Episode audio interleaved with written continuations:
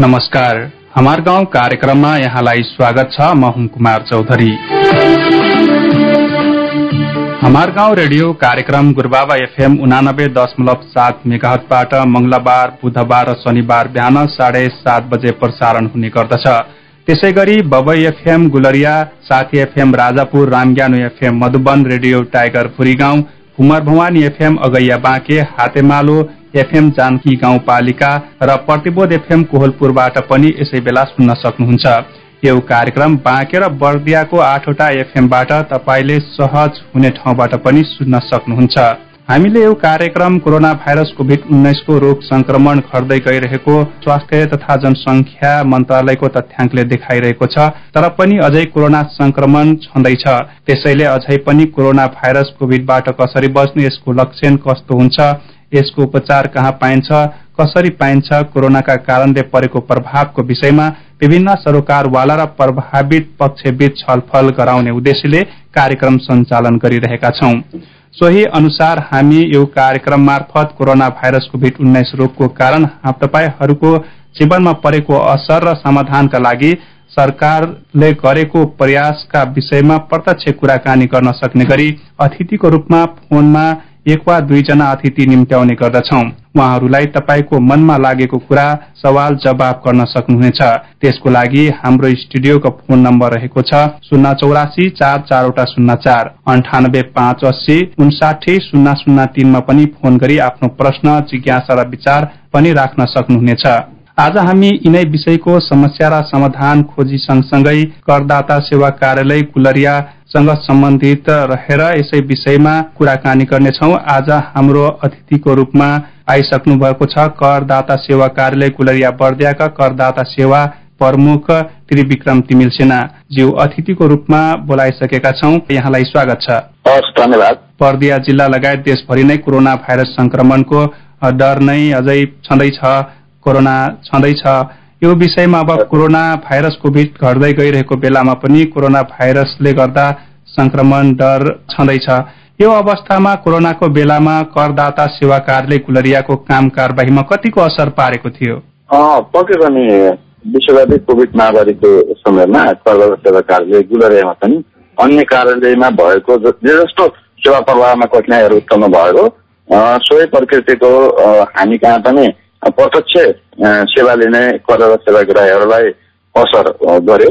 तथापि हाम्रा कर सम्बन्धी धेरै सेवाहरू चाहिँ अनलाइन बेस्ड सेवाहरू भएका छन्। फेसलेस सेवाहरू। यो आज मात्र अथवा यो कोभिडको सङ्क्रमणको बेला मात्र होइन विगत वर्षहरूदेखि नै हामीले फेसलेस सर्भिसमा जोड दिँदै आएको हुनाले पर के अरे कोभिड नाइन्टिनको इफेक्टको बेलामा पनि हामीले सहज रूपमा नै सेवा प्रदान गर्न सक्यौँ र सोही अनुसार राज्यले तोकेको कर समेत सङ्कलन गरेर रहेका छौँ अब हामीले नर्मली भन्नुपर्दा अब गत साल कोभिडकै क्रममा पनि हामीले बत्तिस सय बन्नबाट नयाँ करदाताहरू व्यावसायिक प्यान वितरण गरेको आधारमा र सत्तालिस करोड पचहत्तर लाख रासो सङ्कलन गरेको हिसाबले पनि कोभिड महामारीको समयमा पनि अनलाइन बेस हाम्रो सेवा प्रवाह भएको कारणले गर्दाखेरि त्यति धेरै प्रभाव नभइकन नै सेवा प्रवाह गर्न सक्यौँ भन्ने म ठान्दछु।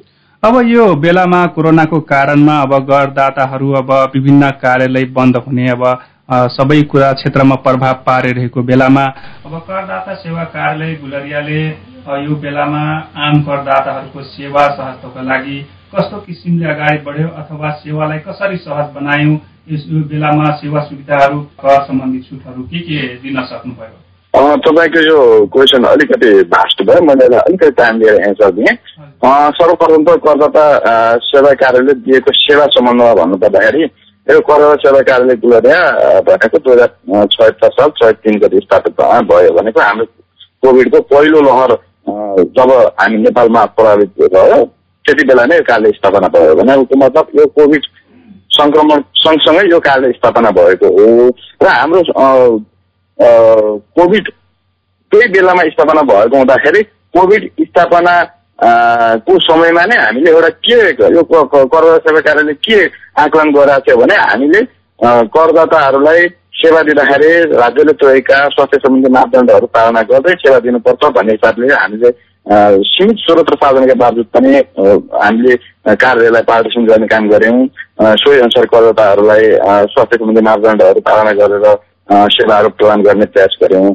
र अब तपाईँ लकडाउनको बेलामा समेत हाम्रा धेरै मैले अघि पनि भनिसकेँ धेरै हाम्रा सेवाहरू जस्तै कर बुझ्ने सेवादेखि लिएर आय विवरण पेस गर्ने र साना व्यवसायहरूले लिने कर चुक्ता समेत अनलाइनबाट स्वत करदाताले लिन सक्ने अवस्था रहेको हुँदाखेरि फेसलेस सर्भिस दिने भएको कारणले गर्दाखेरि करदाता सेवामा त्यति धेरै प्रभाव चाहिँ रहेन तर भएन भन्दैमा फेरि नयाँ दर्ता हुन आउने करदाता अथवा दर्ता स्थगन आउने करदाताहरूलाई चाहिँ पक्कै पनि समस्या रह्यो। सहजै रूपमा भयो त्यहाँ म भन्दिनँ तर अन्य सरकारी कार्यालयले प्रदान गर्ने सेवा सुविधा भन्दा हाम्रो कार्यालयले गर्ने सेवा प्रभावमा कम प्रभाव रह्यो। इभन म आफै पनि लकडाउन सरी माफ म आफै पनि कोरोना सङ्क्रमण भएकै अवस्थामा पनि स्वास्थ्य सम्बन्धी मापदण्ड अपनाएर पनि कार्यालय खुला राखेर सीमित हाम्रो जनशक्तिमा रहेको अवस्थामा पनि हामीले सेवा प्रवाह गऱ्यौँ। अब अर्को कोरोना छुट सम्बन्धी कुरा तपाईँले भन्नुभयो। अब आर्थिक दुई हजार अठहत्तरमा कोभिड नाइन्टिनको कारणले गर्दा व्यवसायमा ठुलो मार परेको र व्यवसायीहरू प्रत्यक्ष रूपमा प्रभावित रहेको हुनाले स्पेसली साना व्यवसायहरूलाई ठुलो मात्रामा कर कर छुट सुविधा दिएको छ। अब साना व्यवसाय भन्नाले हामीले बुझ्नुपर्ने कुरा के भने कर्पोरेटरसिप त्यस्ता व्यवसाय जो बिस लाख वार्षिक बिस लाखसम्म कारोबार गर्छन् र दुई लाखसम्म परेको आय गर्ने मोगरमा दर्ता नभएका व्यवसायहरूलाई चाहिँ अहिले नाइन्टी पर्सेन्ट कर सुविधा दिएको छ। हामीले प्रेजेन्टेड ट्याक्स पनि भन्छौँ। अर्को बुझ्ने भाषामा भन्नुपर्दा डे वान आय विवरण बुझाउने करदाताहरूलाई तिर्नुपर्ने करको नाइन्टी पर्सेन्ट मात्र नाइन्टी पर्सेन्ट छुट दिएर दस पर्सेन्ट मात्र कर तिरै पुग्ने एउटा छुट सुविधा ल्याएको छ। त्यस्तै गरी अब हामीले अर्को साना करदाताहरूकै क्याटेगोरीमा राखेको डे टु आय विवरण बुझाउने अथवा बिस लाखभन्दा बढी पचास लाखसम्म कारोबार गर्ने र मोहग्रह दर्ता नभएका प्रोप्राइटरसिप व्यवसायहरूलाई चाहिँ लाग्ने करको पच्चिस पर्सेन्ट मात्र दाखिला गरेको पचास पर्सेन्ट छुट दिएको छ।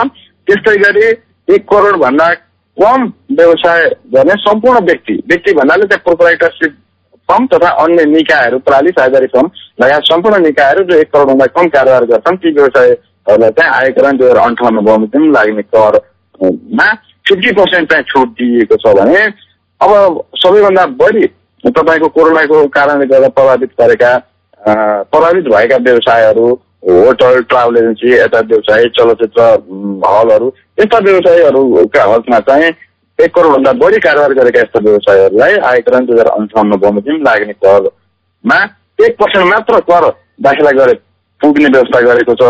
र यदि त्यस्ता व्यवसायहरू लसमा रहेछन् नोक्सानीमा छन् भने त्यस्तो नोक्सानीलाई सामान्यतया आयकर ऐनको व्यवस्था अनुसार चाहिँ सात वर्षसम्म क्यारी फरवर्ड गर्न पाइने व्यवस्था गरेको छ भने यस्ता व्यवसायीहरूको हकमा चाहिँ थप तिन वर्ष तपाईँको नोक्सानी चाहिँ क्यारी फरवर्ड गर्ने व्यवस्था गरेको हुनाले दस वर्षसम्म क्यारी फरवर्ड गर्न पाउने सुविधा दिएको छ। यो मोटामोटी रूपमा मैले कोरोना प्रभावित करदाताहरूले पाउने छुट सुविधा मोटामोटी रूपमा चाहिँ मैले भन्ने भने जस्तो लाग्यो। हजुर यहाँ हाम्रो टेलिफोन सम्पर्कमा एकजना श्रोता आइसक्नु भएको छ। उहाँलाई स्वागत गरौँ अनि उहाँको उत्तर हजुरले दिनु नै हुनेछ। हामी श्रोताको टेलिफोन लिउँ हेलो। हेलो। हजुर नमस्कार। हजुर नमस्कार। हजुर कहाँदेखि को बोलिराख्नु भएको छ? बास्केरीदेखि सरोज कुमार। हजुर हाम्रो अतिथिज्यूलाई तपाईँको जिज्ञासा राख्न सक्नुहुन्छ। नमस्कार सर। मेरो जिज्ञासा चाहिँ हामीले पेन कार्ड कसरी पाउन सकिन्छ कहाँ गएर कुन माध्यमद्वारा पाउन सकिन्छ होइन? अनि यसको फाइदाहरू लिइसकेपछि के कस्तो छ अनि हामीले यो लिइसकेपछि हाम्रो यदि हामीले यो व्यक्तिगत व्यवसाय गर्दाखेरि यही प्यान कार्डले हुन्छ कि हामीले अरू कुनै प्यान कार्डहरू पनि लिनुपर्छ? त्यो बारेमा जानकारी गराइदिनु न। हस् हस् धन्यवाद यहाँको प्रश्नको लागि।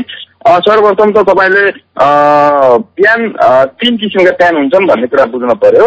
एउटा पर्सनल प्यान अर्को बिजनेस प्यान र अर्को डब्लु प्यान भनिन्छ। यो पर्सनल प्यान भनेको रोजगारीको आय हुने सम्पूर्ण व्यक्तिले लिनुपर्ने प्यान हो भने बी प्यान भनेको व्यवसाय गर्ने व्यवसायले लिने प्यानलाई बिजनेस प्यान अथवा बी प्यान भनिन्छ। डबल प्यान भनेको सरकारी कार्यालयहरू जसले आय विवरण पेस गर्नु पर्दैन उसले टिडिएस मात्रै कति गर्ने निकायहरूको हकमा चाहिँ हामीले डबल प्यान जारी गर्छौँ। अब उहाँले सोध्नु भएको क्वेसन बी प्यान कसरी लिने भन्ने कुरा छ।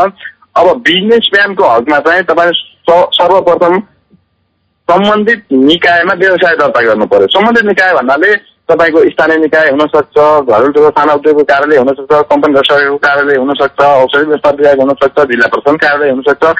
भनेको मतलब व्यवसायको प्रकृति अनुसार अनुमति लिनुपर्ने अथवा दर्ता गर्नुपर्ने सम्बन्धित निकायमा व्यवसाय दर्ता भइसकेपछि आयकर प्रयोजनका लागि हामी प्यान नम्बर लिन्छौँ। र त्यो प्यान भनेको तपाईँले नर्मली तिनवटा डकुमेन्टहरू हामी माग्छौँ व्यवसाय दर्ताको प्रमाणपत्र सम्बन्धित व्यक्तिको नागरिकताको कपी अब व्यवसायको अनुसार फरक फरक हुनसक्छ समूह छ भने अब समूहका व्यक्तिहरूको नागरिकताको कपी हुनसक्छ होइन?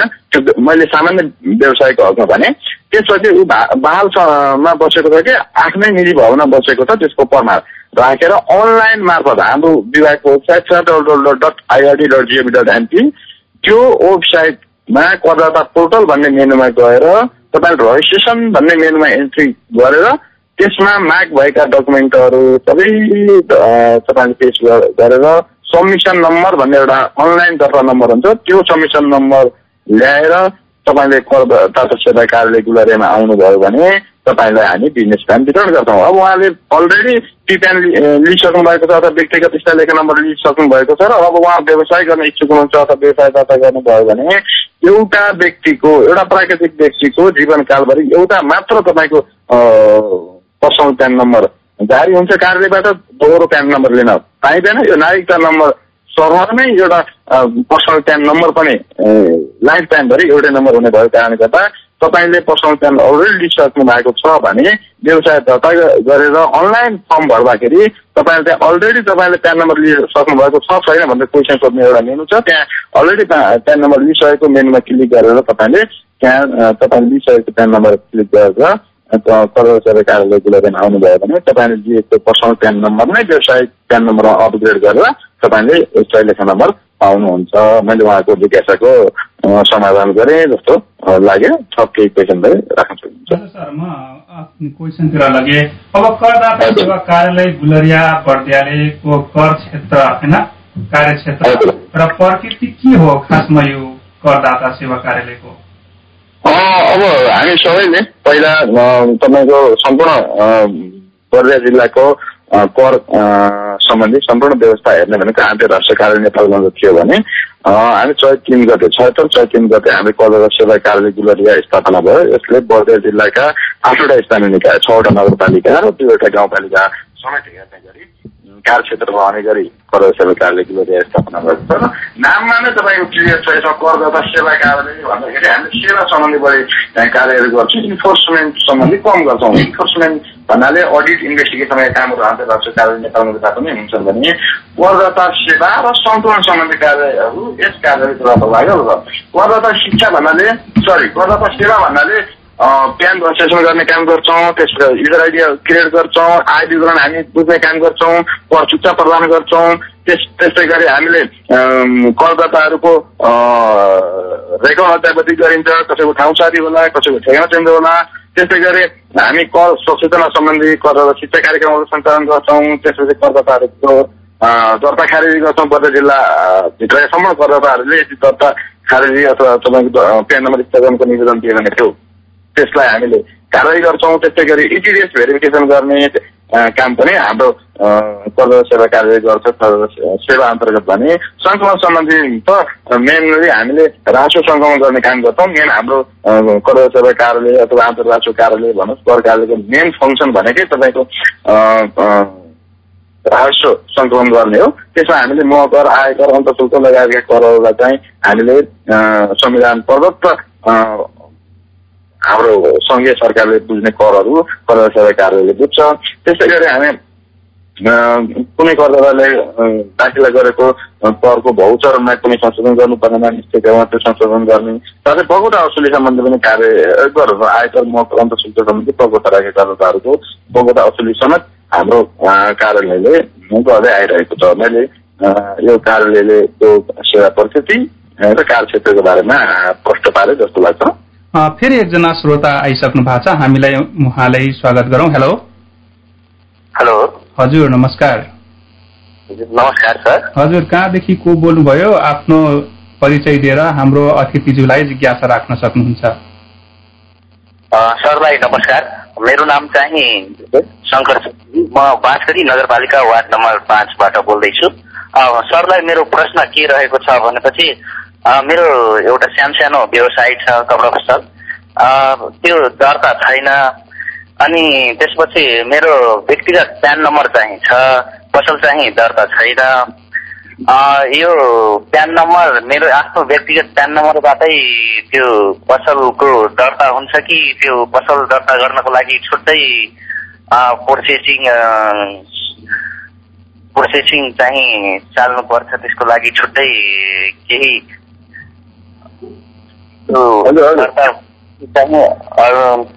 नयाँ चाल्नुपर्छ कि मेरो आफ्नो व्यक्तिगत प्यान नम्बरबाट हुन्छ धन्यवाद। अहिलेको क्वेसन त तपाईँको क्वेसन लगभग उस्तो जस्तै प्रकृतिको छ। अब तर अहिले चाहिँ तपाईँले व्यवसाय दर्ता गरिसक्नु भएको छ। र पर्सनल प्लान मात्र लिनुभएको छ। भनेपछि अहिले तपाईँको परशुराम विधेयक दुई हजार अठहत्तरको भदौ पछि गति आएको छ। त्यो एउटा तपाईँलाई स्किम छुट सुविधा पनि ल्याएको छ। त्यो चाहिँ कार्यविधि बन्न बाँकी नै छ कार्यविधि भइसकेपछि कार्य त्यो सुविधा पनि दिन्छ। अब तपाईँले अलरेडी व्यवसाय दर्ता गरिसक्नु भएको छ भनेपछि तपाईँले स्थानीय निकाय अथवा घरेलु सानो उद्योग कार्यालय तुलरीबाट व्यवसाय दर्ता गरिसक्नु भएको छ। मैले यही नै बुझेँ है त।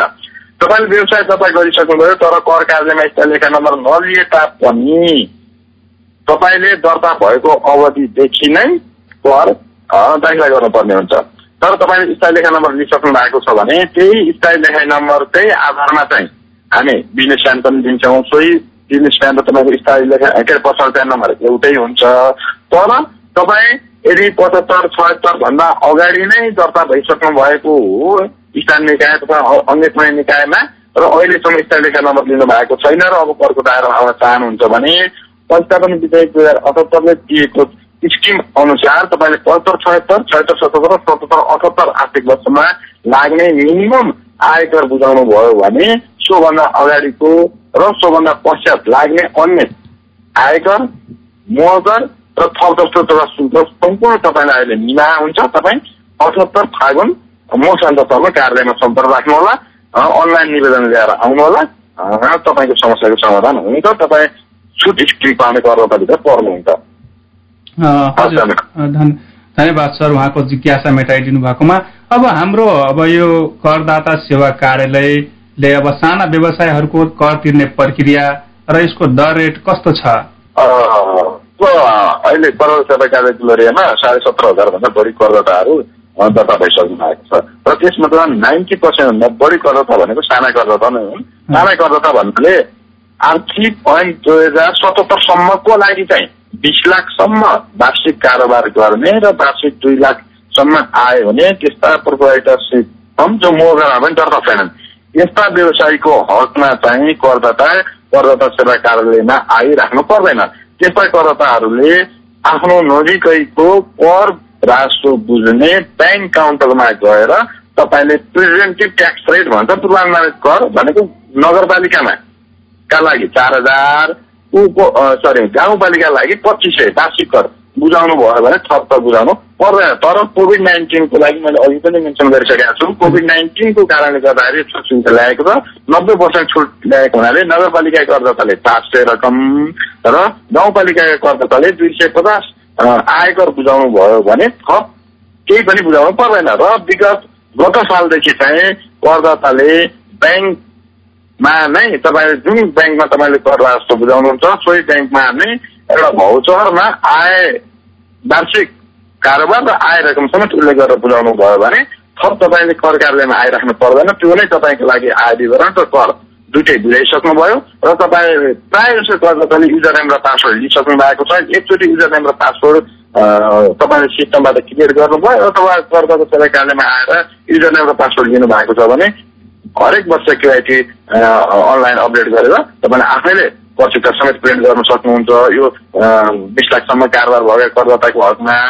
यदि तपाईँ मौकामा पनि दर्ता हुनुहुन्न प्रोपरेटरसिप फर्म हो र वार्षिक बिस लाखदेखि पचास लाखसम्मको कारोबार गर्नुहुन्छ भने तपाईँले डे टु आय विवरण भन्ने हुन्छ त्यो चाहिँ करदाता आफैले अनलाइनबाट भरेर ब्याङ्कमा गएर त्यहाँ सिस्टमबाट जेनरेट भए अनुसारको कर ब्याङ्कमा बुझाएर आफैले भेरिफाई गरेर आफैले चुक्ता निकाल्न सक्नुहुन्छ कर कार्यमा आइराख्नु पर्दैन। यो आर्थिक ऐन दुई हजार सतहत्तर भन्दा अगाडिको का हकमा तर अहिले आर्थिक ऐन दुई हजार अठहत्तर आइसकेपछि यी साना करदाताहरूको स्ल्याबमा चाहिँ केही चेन्ज गरेको छ। त्यो भनेको पहिला बिस लाखसम्म कारोबार हुने र वार्षिक दुई लाखसम्म आयो भने मोहगरा दर्ता नभएका प्रोप्राइटरसिप फर्मका हकमा मात्र देवान आय विवरण बुझाउन पाउने व्यवस्था थियो भने अहिले संशोधित व्यवस्था अनुसार चाहिँ वार्षिक तिस लाखसम्म कारोबार हुने मोहगरमा दर्ता भएका भए पनि त्यस्ता प्रोप्राइटरसिप फर्मले अनिवार्य रूपमा तपाईँको देवान आय विवरण भरेर लाग्ने मिनिमम कर अब तपाईँको अहिले बर्दिया जिल्लाको हकमा चार हजार वा पच्चिस सय कर बुझाउनु भयो भने ब्याङ्कमा गएर आय विवरण कर बुझाउनु भयो भने फाइन हुन्छ सरकारले आउनु परेन त्यस्तै टेटुका हकमा चाहिँ कोर्स पनि चेन्ज भएको छ वार्षिक पहिला बिस लाखदेखि तिस लाखसम्म कारोबार हुने करदाताले टेटु आय विवरण बुझाउनु पर्ने व्यवस्था रहेकोमा हाल त्यसलाई परिवर्तन गरेर वार्षिक तिस लाखदेखि एक करोडसम्म कारोबार गर्ने सम्पूर्ण प्रोपाइटर फर्म जो मौका दर्ता भएका भए पनि वार्षिक दस लाखसम्म गरेका आय गर्छन् भने त्यसका करदाताले अनिवार्य टेटु आय विवरण बुझाउनु पर्छ। त्यसको ट्याक्स रेटमा चाहिँ अलिकति चेन्ज गरेको छ। तपाईँले तिस लाखदेखि पचास लाखसम्म कारोबार गर्ने सेवा व्यवसायको सरी तिन पर्सेन्टसम्म कमिसन हुने ग्यास चुरो लगायतका व्यवसायको हकमा zero point two five percent र पचास लाखदेखि एक वर्षसम्म कारोबार गर्ने जिरो पोइन्ट थ्री पर्सेन्ट कारोबारको आधारमा ट्याक्स बुझाउनु पर्छ त्यस्तै गरी सेवाको हकमा चाहिँ तिस लाखदेखि एक वर्षसम्मको कारोबार गर्ने व्यवसायले कारोबारको दुई पर्सेन्ट र अन्य व्यवसायहरू तिन पर्सेन्टभन्दा कम कमिसन हुने बाहेकका र सेवा व्यवसाय बाहेकका अन्य सम्पूर्ण व्यवसायीहरूले ले तिस लाखदेखि पचास लाखसम्मको बिक्री कारोबारमा जिरो पोइन्ट माफ गर्नु होला zero point five zero point five percent र पचास लाखदेखि एक वर्षमा कारोबार गर्ने जिरो सरी वान पर्सेन्ट र zero zero point one percent र पचास लाखदेखि एक वर्षमा कारोबार गर्ने करदाताले जिरो पोइन्ट एट पर्सेन्ट कारोबारको आधारमा ट्याक्स बुझाउनु भयो भने सकियो तर अहिलेको थप व्यवस्था भनेको मोहगरा दर्ता भएका करदाताले पनि अनिवार्य रूपमा डेट विवरण बुझाउनै पर्छ डेटो अनुसारको कर बुझाउनु पर्छ।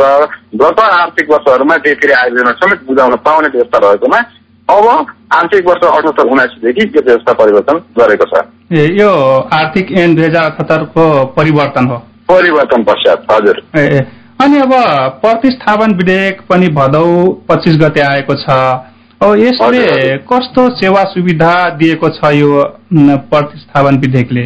अब पञ्चायत विधेयकमा बेसिकली दुई किसिमका छुट स्किमहरू ल्याएको छ श्रोताहरूलाई मैले एउटा किसिमको छुट अघिको एकजना श्रोताको मैले जिज्ञासा मेटाउने क्रममा पनि भनिसकेका थिएँ। यदि कुनै प्रोपरेटरसिप फर्म वा प्रोफेसनल्सहरू प्रोफेसनल्स भन्नाले तपाईँको डक्टर इन्जिनियर कानुन व्यवसाय लेखा व्यवसाय गर्ने अथवा परामर्शदाताहरू कोही छ र प्रोपरेटरसिप फर्म जो पचहत्तर छयत्तर भन्दा अघिदेखि नै सम्बन्धित निकायमा दर्ता भएर व्यवसाय सुरु गरिसकेका तर आयकर प्रयोजनका लागि करदाता सेवा तथा सम्बन्धित अन्तर्राष्ट्रिय कार्यालयमा गएर स्थायी लेखा नम्बर नलिएका करदाताहरूले यदि पचहत्तर छयत्तर छयत्तर सत्तर र सतहत्तर अठहत्तर आर्थिक वर्षमा लाग्ने मिनिमम आयकर बुझाएमा सोभन्दा अघिल्लो वर्ष र सोभन्दा पश्चात लाग्ने मोहगर यदि मोहगर लाग्ने कारोबार रहेछ भने पनि मोहगर पनि हन्ड्रेड पर्सेन्ट छुट भयो। त्यसमा लाग्ने थप आयकर थप दस्तुर जे जति जरिवाना ब्याज जे जे लाग्छ त्यो पनि सम्पूर्ण छुट सुविधा दिएको छ। एउटा चाहिँ यो छुट सुविधा छ। अर्को भनेको त्रिहत्तर चौहत्तर चौहत्तर पचहत्तर पचहत्तर छयत्तर र छयत्तर सतहत्तर आर्थिक वर्षमा आय विवरण डे वान र डे टू आय विवरण घोषणा गरिसकेका तर उनीहरूको वास्तविक कारोबार घोषणा गरेको कारोबार भन्दा अत्याधिक बढिरहेको त बढी छ भने त्यस्ता करदाताहरू स्वयंले दुई हजार अठहत्तर फागुन मतदानसम्ममा आफ्नो वास्तविक कारोबार पहिला घोषणा गरेको भन्दा फरक रहेको प्रमाण पेश गरी फरक अथवा थप कायम भएको बिक्री रकमको वान पोइन्ट फाइभ पर्सेन्ट आएका तिरेमा त्यसमा त्रिहत्तर चौहत्तर भन्दा अघिल्लो आर्थिक वर्षको यदि कुनै कर दायित्व सिर्जना हुने कन्डिसन रहेछ भने पनि त्यो सबै मिना हुन्छ। कर कार्यालयले फेरि त्यसको छानबिन तथा अनुसन्धान गर्दैन। र घोषणा गरिसकेको त्रिहत्तर चौहत्तर चौहत्तर पचहत्तर पचहत्तर छयत्तर र छयत्तर सतहत्तरसम्मको तपाईँको अन्य कर दायित्व सिर्जना हुने कन्डिसनमा पनि कर कार्यालयले छानबिन नगर्ने भनेर एउटा सुविधा दिएको छ। यो मिसम्याच मा परेका जो भन्छौँ हामी। निष्ठा परेको भन्नाले उनीहरूले कारोबार चाहिँ बिस लाख पन्ध्र लाख अथवा दस लाख मात्र घोषणा गरेका तर हाम्रो कम्प्युटर सिस्टमबाट प्राप्त रिपोर्टमा चाहिँ उनीहरूले तिस लाख पचास लाख करोडौँ रुपियाँको कारोबार गर्ने कारोबार गरेको देखेका करदाताहरू जसले बिक्री रकम फरक परेको घोषणा गरे भने घोषणा गरेको रकमको कारोबारको वान पोइन्ट फाइभ पर्सेन्ट एकमुष्ट कर तिरेमा चाहिँ उनीहरूलाई सम्पूर्ण कर छुट सुविधा हुने भनेर निष्ठा परेका करदाताहरूको लागि स्किम पनि ल्याएको छ। यो पश्चात ल्याएको यो सुविधा हो। अब हाम्रो टेलिफोन सम्पर्कमा फेरि एकजना श्रोता आइसक्नु भएको छ। उहाँलाई स्वागत गरौँ। हेलो। हेलो नमस्कार। हजुर नमस्कार। कहाँदेखि को बोलिराख्नु भएको छ? आफ्नो परिचय दिएर हाम्रो अतिथिज्यूलाई जिज्ञासा राख्न सक्नुहुन्छ। म चाहिँ गुलरिया वार्ड नम्बर बाह्र भाइखाईबाट दिलीप कुमार खाएर बोलिरहेको छु सर। हजुर हजुर। आफ्नो जिज्ञासा राख्न सक्नुहुन्छ हाम्रो अतिथिज्यूलाई। जिज्ञासा भनेपछि त यस प्रकारको छ मेरो। जिज्ञासा के हो भनेपछि म चाहिँ भनेपछि एउटा तरकारी व्यवसाय हो। भनेपछि त म भनेपछि त मसँग भनेपछि त व्यक्तिगत फर्म छ होइन? अनि व्यक्तिगत फर्ममा चाहिँ भनेपछि त मैले सबै भनेपछि त पेन्सन सबै मैले भनेपछि त मैले चाहिँ भनेपछि त मैले दर्ता गराएको छु होइन? अनि मैले दर्ता गराएर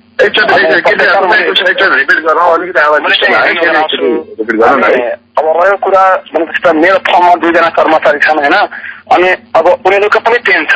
अनि अब भनेपछि त उनीहरूले पेनको बेनिफिट रिन्यू गर्ने कि नगर्ने? अनि कुन कुन हिसाबले मैले उनीहरूलाई त्यो गर्ने भन्न खोजेको क्या? भनेपछि कर कति गरेर म मैले क्लब दिने कि के गर्ने? यही हो सर मेरो जिज्ञासा। उनीहरूको रिन्यू गर्नुपर्छ कि नै भनेर सोधेको सर। ए ए हस् हस् धन्यवाद धन्यवाद। तपाईँको क्वेसन मैले बुझे अनुसार चाहिँ तपाईँले एउटा व्यवसाय सञ्चालन गरिरहनु भएको छ र तपाईँको व्यवसायमा काम गर्ने दुईजना कर्मचारीहरू पनि छन् जसलाई तपाईँले स्यालेरी दिनुहुन्छ। उनीहरूले पर्सनल प्यान पनि लगिसकेका छन् भने उनीहरूको नवीकरण हुन्छ कि हुँदैन भन्ने जहाँसम्म तपाईँको क्वेसन छ। अब तपाईँले व्यवसाय दर्ता गरिरहनु भएको छ कर कार्यालयमा नवीकरण भन्ने हुँदैन तपाईँले वार्षिक कारोबारको आय विवरण र आय विवरण अनुसारको कर दाखिला गर्ने भन्ने हुन्छ नवीकरण गर्ने भन्ने हुँदैन। ठिकै छ तपाईँले आफ्नो व्यवसायको चाहिँ आय विवरण पेस गरेर कर दाखिला गर्नुहुन्छ ठिक छ। र तपाईँका यदि कर्मचारीहरूले पर्सनल प्यान त लिनै पर्यो नै सम्पूर्ण रोजगारीको आय हुने पर्सनल प्यान लिनै पर्छ। तपाईँका कर्मचारीहरूले स्यालेरी दिनुहुन्छ भने तपाईँको अब ऊ कर तपाईँका कर्मचारी सिङ्गल हुन् कि कपल हुन् अथवा विवाहित हुन् कि अविवाहित हुन् पहिला त्यो छुटाउनु पर्यो। तपाईँका यदि कर्मचारीहरू विवाहित छन् भने साढे चार लाखसम्मको आयकरमा वान पर्सेन्ट ट्याक्स तिरे भयो र उनीहरू सिङ्गल छन् भने चार लाखसम्मको उनीहरूको आयमा वान पर्सेन्ट ट्याक्स काटिदिनु पर्यो टिडिएस कति गर्नु पर्यो? अग्रिम कति गरेर तपाईँले अन्तर्राष्ट्रिय कार्यालयमा को कार्यालयकोमा बुझाएर इटिडिएस भन्ने हुन्छ। अनलाइनबाट नै उनीहरूको प्यान नम्बरमा कर कति भएको विवरण बुझाइदिनु पर्यो इटिडिएस गरिदिनु पर्यो।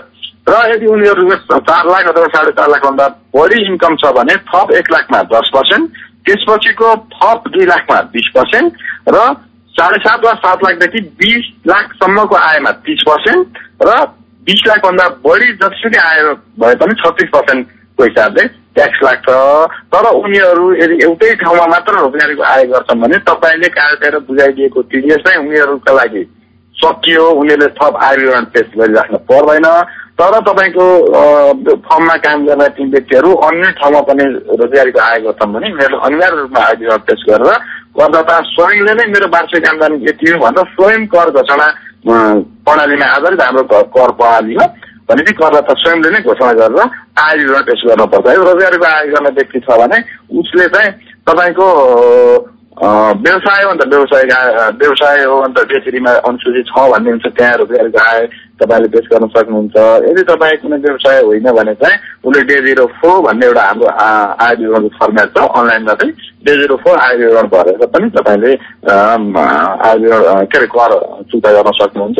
साथै यदि वार्षिक चालिस लाखभन्दा बढी रोजगारीको आय हुने भने चाहिँ अनिवार्य रूपमा डे जिरो फोर विवरण भर्नुपर्ने हुन्छ। जहाँसम्म मलाई लाग्छ उहाँको जिज्ञासा मैले जे क्वेसन बुझेको थिएँ त्यो अनुसारको जिज्ञासाको समाधान भयो भन्ने लाग्छ। हजुर धन्यवाद। अनि हाम्रो यो एउटा कर सम्बन्धी नै हो यो अग्रिम कर पट्टी भन्छ नि यो भनेको के हो खासमा? यसको नाममा नै छ अथवा विदोटी ट्याक्स पनि भन्छ। के भने कस्तो भने आयकर ऐनको दफा अठासीमा विशेष गरी तोकिएको छ। त्यसमा चाहिँ भुक्तानी गर्दाका बखतमा नै भुक्तानी दिने व्यक्तिले भुक्तानी पाउने व्यक्तिको आयबाट अगाडि नै अग्रिम रूपमा नै कर कट्टी गरिदिनु पर्ने हुन्छ त्यस्तो अग्रिम कर कट्टी गरेको रकम अग्रिम कर कट्टी प्राप्त गरेको अथवा कट्टी गरेको महिना मरेको पछिल्लो महिनाको पच्चिस गतेभित्र कर कार्यालयमा आय सरी भुक्तानी विवरण सहित कर समेत दाखिला गर्नुपर्ने हुन्छ। त्यो भुक्तानी विवरण भनेको इटिडिएस गरिदिने हो अहिले चाहिँ। तपाईँले अहिले मेनुअल रूपमा कर कार्यालय जानकारी दिएर हुँदैन। कम्प्युटर प्रणालीबाट नै इटिडिएस गरिदिने भनेको सम्बन्धित जसको कर कट्टी भएको अथवा सम्बन्धित जसको कर हो उसको प्यान नम्बरमा नै उसले दाखिला गरेको कर र प्राप्त गरेको रकम पोस्टिङ गर्ने काम अनलाइनबाट नै पोस्टिङ गर्ने काम भनेको इटिडिएस हो। अब अग्रिम कर कट्टी भनेको मानौ तपाईँको यो एफएम छ तपाईँको एफएममा तपाईँ कर्मचारी हुनुहुन्छ मानौ तपाईँको बिस हजार मन्थली स्यालेरी छ भने एफएम भन्ने जो फर्म छ तपाईँको गुरुबाबा एफएमले तपाईँलाई तलब दिँदाका बखतमा नै क्यालकुलेसन गरेर सामान्यतया मैले अघि पनि स्ल्याब भने चार लाख र साढे चार लाख कुन हो तपाईँ कुन स्ल्याबमा पर्नुहुन्छ स्ल्याब अनुसार तपाईँलाई भुक्तान दिँदाका बखतमा नै अब बिस हजार स्यालेरी हो भने बिस हजार स्यालेरीको एक पर्सेन्टको ट्याक्स कटाएर तपाईँलाई बाँकी रकम दिन्छ भनेको दुई सय रुपियाँ कति गर्छ र तपाईँलाई चाहिँ उन्नाइस हजार आठ सय रुपियाँ स्यालेरीको रूपमा दिन्छ। दुई सय रुपियाँ तपाईँको कर हो भनेर गुरुबा एसएलले नै कर कार्यालयमा ल्याएर जम्मा गरेर तपाईँलाई इटिडिएस गरिदिन्छ। अब यस्तो धेरै तपाईँका भुक्तानीका स्रोतहरूमा इटिडिएस गर्नुपर्ने हुन्छ कमिसन बैठक भत्ता पटके अध्यापन अब कुनै ठाउँबाट स्यालेरी ज्याला लगायत धेरै यहाँ तपाईँ ब्याङ्कमा इन्ट्रेस्टमा पनि ट्याक्स लागिरहेको हुन्छ हामीले त्यहाँ फाइभ पर्सेन्ट ट्याक्स लाग्छ सामान्यतया। ब्याङ्कमा डिपोजिट गरेको रकमबाट इन्ट्रेस्ट प्राप्त गऱ्यौँ भने त्यहाँ पनि पाँच पर्सेन्ट टिडिएस कति हुन्छ सेयर कारोबारमा पुँजीगत लाभ भयो भने त्यहाँ पनि टिडिएस कति भएको हुन्छ। हामीले मालपोत कार्यालयमा पुँजीगत लाभ कर भन्ने बुझाउँछौँ। त्यो पनि अग्रिम कर कटिने हो जहाँ हामीले नाफा हुँदा बित्तिकै मालपोत कार्यालयमा हामीले अग्रिम रूपमा नै ट्याक्स बुझाइदिन्छौँ यस्तो धेरै शीर्षकहरू छन् जहाँ आयकर ऐनले तोकेका त्यस्ता शीर्षकहरू जहाँ हामीले आम्दानी हुँदा बित्तिकै स्रोतमा नै कर कट्टी हुन्छ भने त्यो भुक्तानीमा कर कट्टी हो। अब यसैमा अग्रिम कर कट्टी रकम मिलान गर्न कुनै वर्ष छुट भए अनि पछिल्लो वर्षमा मिलान गर्न पाइन्छ वा पाइँदैन के छ? अब आयकर ऐनको तथा तिरानब्बे अनुसार पाइन्छ। तर त्यसका लागि चाहिँ मैले अघि पनि भने हाम्रो आयकर ऐन भनेको सेल्फ एसेसमेन्ट सिस्टम अथवा स्वयं कर निर्धारणमा आधारित छ। यदि तपाईँले अग्रिम अग्रिम रूपमा नै अथवा बढी तपाईँले कुनै आर्थिक वर्षमा आयकर दाखिला गर्नुभयो भने पछिल्लो सालमा चाहिँ अनुसूची दस भर्दाखेरि त्यो अनुसूची दस भन्ने फर्मेट हुन्छ अनुसूची दस भर्दाखेरि तपाईँले क्लेम गर्न सक्नुहुन्छ। तर तपाईँले डे वान आय विवरण भर्नुहुन्छ भने मैले अघि नै भने साना व्यवसाय जसले ब्याङ्कमा दुई के अरे दुईवटा अमाउन्ट मात्र पेस गर्नुहुन्छ जहाँ वर्षभरिको कारोबार खर्च हुने रकम र आम्दानी मात्र उसले गर्नुहुन्छ। त्यस्ता साना व्यवसायीले अग्रिम कर कट्टीको क्लेम गर्न पाउँदैन।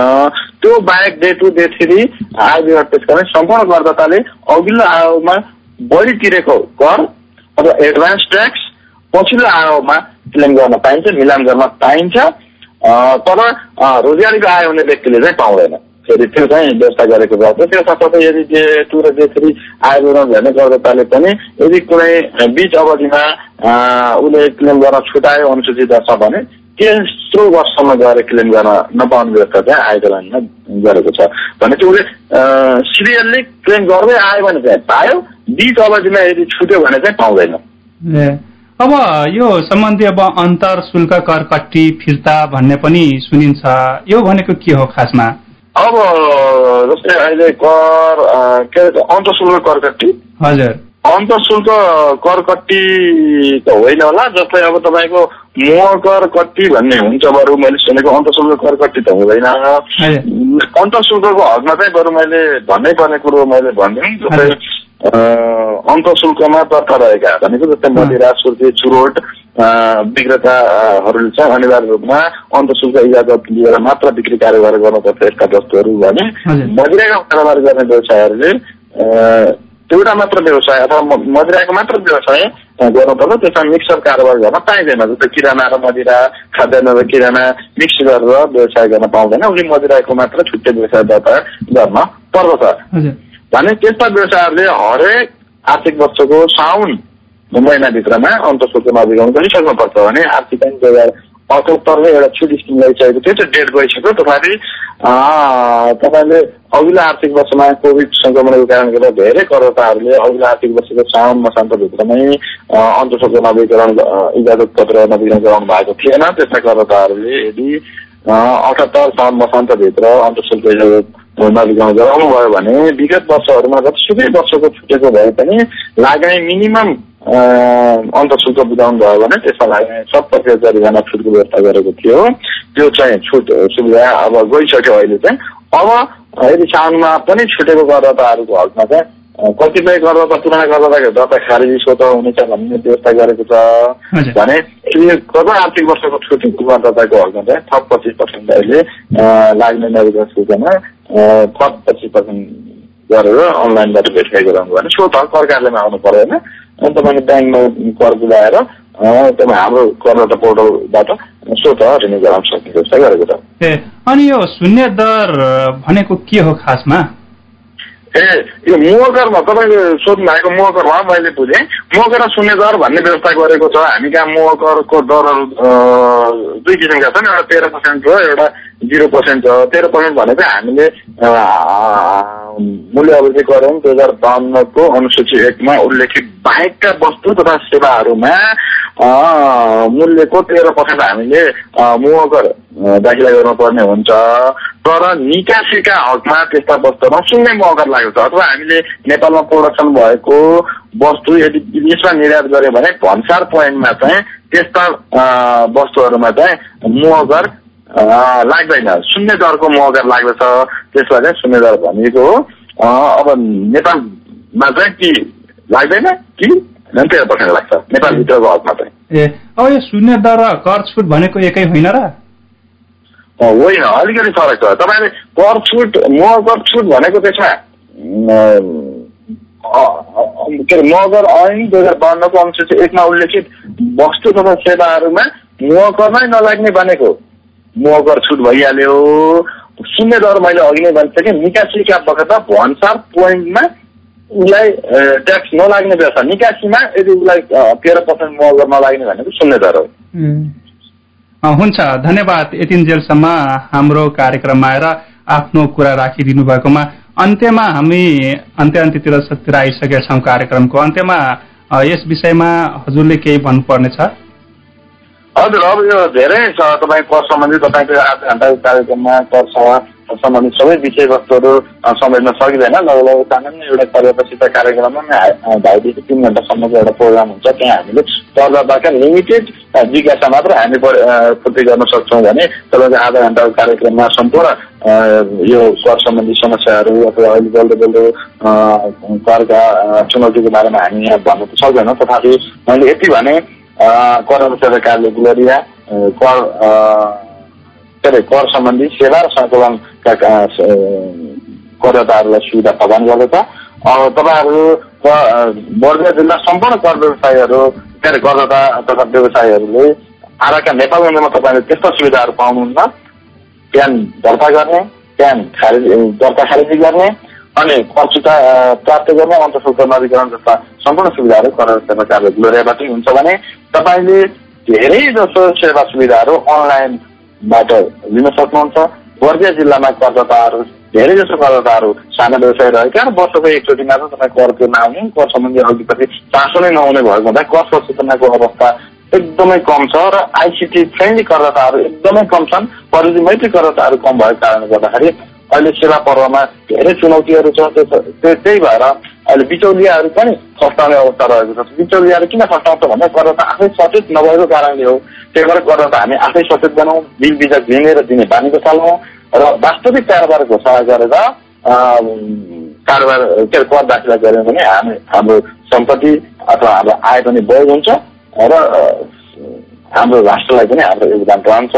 भन्दै मैले कार्यालयको तर्फबाट दुईवटा के अरे सम्बन्धी केही कुराहरू भन्ने पनि धन्यवाद दिन हुन्छ धन्यवाद यहाँ आजको हाम्रो कार्यक्रममा सहभागी भइदिनु भएकोमा करदाता सेवा कार्यालय बर्दिया कुलरियाका प्रमुख त्रिविक्रम तिमिल सेनाज्यूलाई धेरै धेरै धन्यवाद र यतिन्जेलसम्म हाम्रो कुराकानी सुनिदिनु भएकोमा तपाईँलाई पनि धेरै धेरै धन्यवाद हामी यसै कार्यक्रमलाई कुनै अर्को दिन पुनः अर्को अतिथिलाई लिएर आउने नै छौं यो कार्यक्रमको विषयमा तपाईँको कुनै सल्लाह जिज्ञासा प्रतिक्रिया छ भने हाम्रो स्टुडियोको फोन नम्बर रहेको छ शून्य चौरासी चार चारवटा शून्य चार अथवा अन्ठानब्बे पाँच अस्सी उन्साठी शून्य शून्य तीनमा पनि फोन गरेर तपाईँको मनमा लागेको सल्लाह जिज्ञासा राख्न सक्नुहुन्छ।